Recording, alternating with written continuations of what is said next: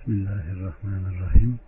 Felak suresi Medine'de nazil olmuştur. Rahman ve Rahim olan Allah'ın adıyla. Birden beşe kadar. De ki tan yerini ağartan Rabb'a sığınırım. Yaratıkların şerrinden, bastırdığı zaman karanlığın şerrinden, düğümlere üfrenlerin şerrinden, haset ettiğinde haset edenlerin şerrinden. Evet. Allah subhanahu ve teala öyle bir sure indiriyor ki hem okumamızı hem de birçok kötülüklerden kendisine sığınmamızı emrediyor. Surenin uzun sebebine baktığımızda kardeşlerim, Bukhari ve Müslüm'de gelen bir rivayette Yahudilerden birisi Aleyhisselatü Vesselam'a büyü yapmıştı. Bu nedenden Resulullah günlerce hastalandı. Cibril gelip Yahudilerden bir kişinin kendisine büyü yaptığını, bir düğüm bağlayıp falanca kuyunun dibine attığını, oraya birini göndermesini, onu getirmesini söyledi. Bunun üzerine Aleyhisselatü Vesselam Ali'yi gönderdi. Ali o büyüyü çıkarıp peygambere getirdi.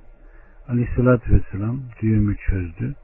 Bunun üzerine Aleyhisselatü Vesselam sanki ipten kurtulmuşçasına dinçleşip ayağa kalktı ve o Yahudi'ye bunu ne söyledi ne de ölünceye kadar yüzünü gördü.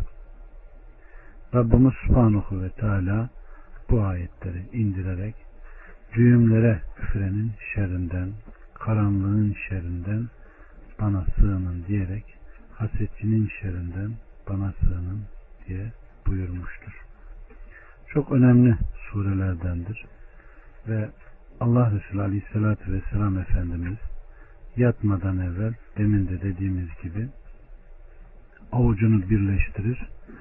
Felak, Nas ve ayetil e, kürsüyü İhlas suresini okur, üfürür ve komple bütün vücudunu üç kere sıvazlar sonra yatardı.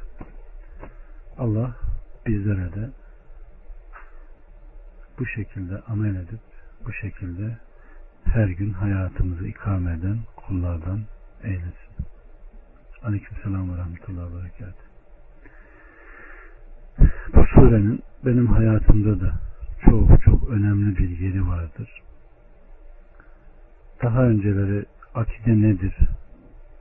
İnanılması gereken esaslar nedir? Bunun bilincine varmazdan evvel yıllar önce İbn Kesir ilk tercüme edildiğinde arkadaşlara bütün sureleri okuyup haftada bir anlattığım günlerden birinde diğer bütün kitaplar tercüme edilmiş. O günlerde de İbn Kesir diye bir tefsir çıkmıştı.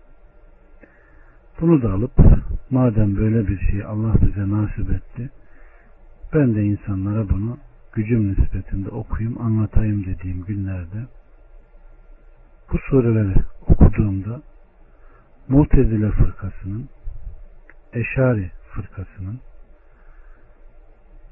Peygamber aleyhisselama sihir yapılmadığını bunun mümkün olmadığını her ne kadar Bukhari, Müslüm gibi hadis kitaplarının bunu naklettiyse bunun gerçek olamayacağını, onların bunu uydurduğunu yazıyordu. Benim şimdi kafam Allah bullak oldu. Hem Allah Azze ve Celle Resuluna sihir yapıldığında bunları indirip kurtulmasına vesile oluyor. Aleyhissalatü Vesselam bunu diliyle söylüyor. Sahabeler bunu naklediyor. Hadis kitapları yazıyor. Ama diyor ki İbn Kesir bunu Mu'tezile fırkası kabul etmez. Bu Mu'tezile kim? Eşari kim diye araştırdığımda bir de baktım ki Allah'tan gelen dini bırakmış, önümüze gelen her şeye inanmış, her şeye doğru diyen, nerede gittiğini bilmeyen zavallı insanlar haline gelmişiz.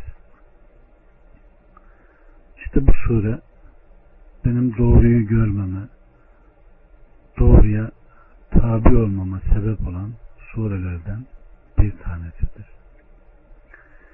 Kimi okur, cinni ise cininden kurtulur. Kimi olur, büyüsünden kurtulur. Kimi olur, korkusundan emin olur. Bu surede benim hidayete ermeme sebep oldu.